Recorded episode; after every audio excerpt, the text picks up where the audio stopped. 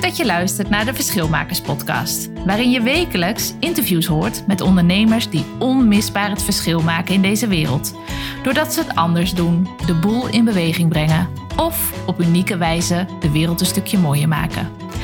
Ook ontvang je inspiratie, tools en tips voor jouw eigen expeditie ondernemerschap. Ik ben Marleen Toxopeus en ben business coach voor verschilmakers. Kijk op marleentoxopeus.nl voor meer informatie en ik wens jou heel veel plezier met deze podcast. Hey, wat leuk dat je luistert naar deze aflevering over expeditieondernemerschap. En ik wil beginnen met jou een vraag te stellen. Namelijk, geniet jij van het ondernemerschap? Of is het een pad met onrust, onzekerheid, hollen, stilstaan en dat soort geneuzel? Ja, denk daar maar eens over na. Ik vertel je graag het verhaal dat mij dagelijks helpt bij het ondernemen. En dat verhaal dat speelt zich af in maart 2014. En uh, we zitten in de kamer van mijn bedrijfsarts. En ik hang al tien minuten aan de lippen van deze meneer. Hij vertelt het verhaal van de monnik en de bergbeklimmer.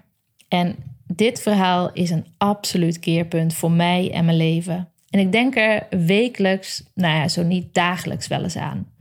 En het helpt me bij alle frustraties en tegenslagen in het ondernemerschap. En dat is ook precies de reden dat ik het graag met jou wil delen. En voordat ik start is het goed om te weten wat de reden is dat ik bij deze bijzondere interessante man zit en waarom hij mij dit vertelt. Ik zit namelijk al acht maanden op dat moment in de krochten van mijn eigen burn-out en depressie. En er lijkt maar geen vooruitgang te komen. En ik was altijd projectmanager. En um, ik had in het begin van mijn burn-out eigenlijk al de eerste ontmoeting die we hadden. Um, had ik een, een soort projectplan gemaakt hoe ik deze burn-out ging um, beteugelen. Hoe ik hem in de kraag ging vatten en hem achter me ging laten. Maar dat is nou precies hoe burn-outs niet werken. En um, na een uh, onstuimig begin met deze bedrijfsarts, waarin hij mij dacht wel eventjes te vertellen hoe ik in elkaar zat en uh, hoe hij mij uh, zou helen in, in twee maanden, was het een iets langer traject geworden en leerden we elkaar steeds beter kennen. En um, vertelde hij mij dus dit verhaal over de monnik en de bergbeklimmer.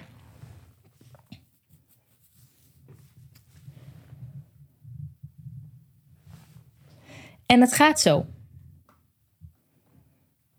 Aan de voet van een hoge berg staan een monnik en een professioneel uitgeruste bergbeklimmer. Beide mensen zijn klaar voor het avontuur van hun leven om de top van deze berg, berg te bereiken. Ze hebben al even met elkaar geklet, ze hebben kennis gemaakt, ze geven elkaar een hand en vertrekken de bergbeklimmer, die professionele bergbeklimmer, die speurt weg. Blik vooruit, op de top gericht, voor zover die hem kon zien. Het steile pad omhoog en gang als een kogel. De monnik daarentegen kijkt eerst eens even naar zijn blote voeten en zijn knapzak. en zoekt een geschikt pad om met zijn blote voeten eroverheen te lopen. En onderweg ziet hij, de, ja, ziet hij van alles. Hij ziet allemaal mensen lopen, loopt een stukje met ze op omdat hij in een leuk gesprek is uh, verwikkeld is geraakt. Hij ziet de prachtige bloeiende bloemen om zich heen en gaat regelmatig even stilzitten met zijn knapzak om van het uitzicht te genieten. En ook daar komt hij weer wat mensen tegen. En hoort allemaal de mooiste levensverhalen. En loopt zelf soms een stukje terug om het verhaal even af te maken met die mensen. Nou, niet de meest efficiëntste en de snelste richting wat betreft de tijd. Nu is het een flinke berg. Het is niet even een heuveltje en je raadt het al. Die bergbeklimmer, die heel erg, helemaal professioneel uitgeruste bergbeklimmer, staat binnen twee dagen hijgend op de top. Hij plant zijn vlag, kijkt om zich heen. Na dit moment heeft hij toegewerkt.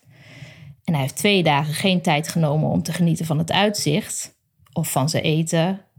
En hij negeerde eigenlijk ook het liefste mensen die hij tegenkwam, want hij wilde een persoonlijk record neerzetten. En kletspraatjes, ja, die gaan natuurlijk alleen maar om zeep helpen. En een persoonlijk record is misschien een beetje gek bij een berg die je voor het eerst beklimt. Maar je begrijpt wat ik bedoel. Hij wilde gewoon die berg zo snel mogelijk oprennen, zijn vlag planten en tegen zijn vrienden kunnen zeggen: Dat heb ik mooi gedaan in twee dagen. Als hij om zich heen kijkt, over die diepe dalen en die andere witte bergtoppen, kan de professionele bergbeklimmer de wolken bijna aanraken. En opeens is daar het gevoel dat hem overvalt. Een enorm gevoel van onrust. Want, oh jee, welke berg is er hoger en uitdagender dan deze? Welke berg wordt mijn volgende en met wie ga ik hem beklimmen? En tijdens de afdalen van zijn prachtige project bereidt hij in zijn hoofd zijn volgende project al voor. Nou, halverwege komt hij de monnik tegen, die de inhoud van zijn knapzak op dat moment deelt met wat andere wandelaars.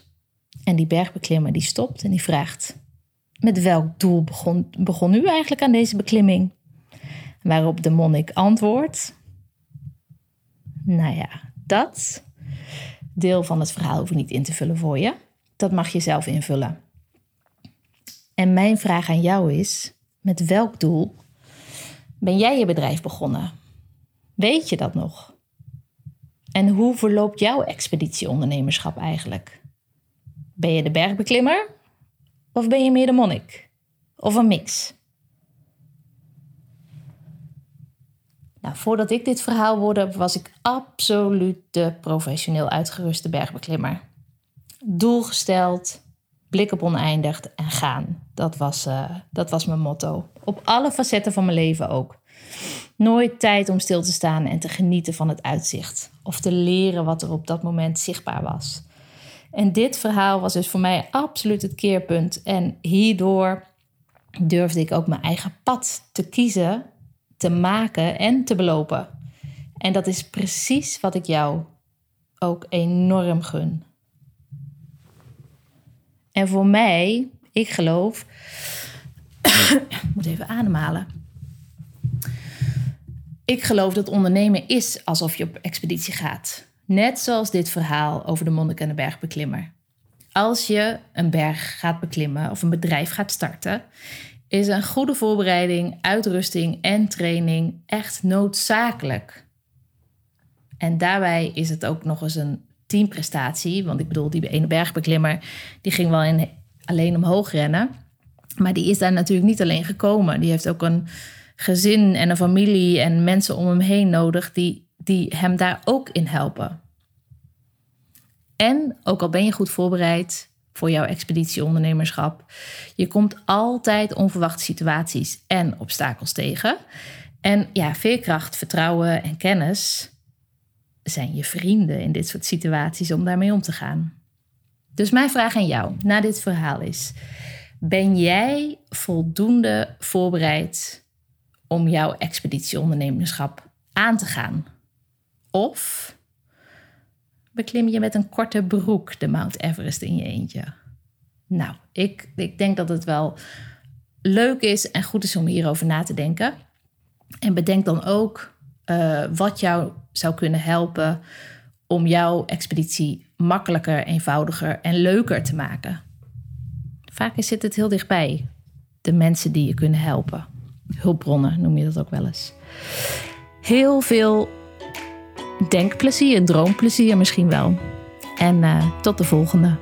Hoi hoi.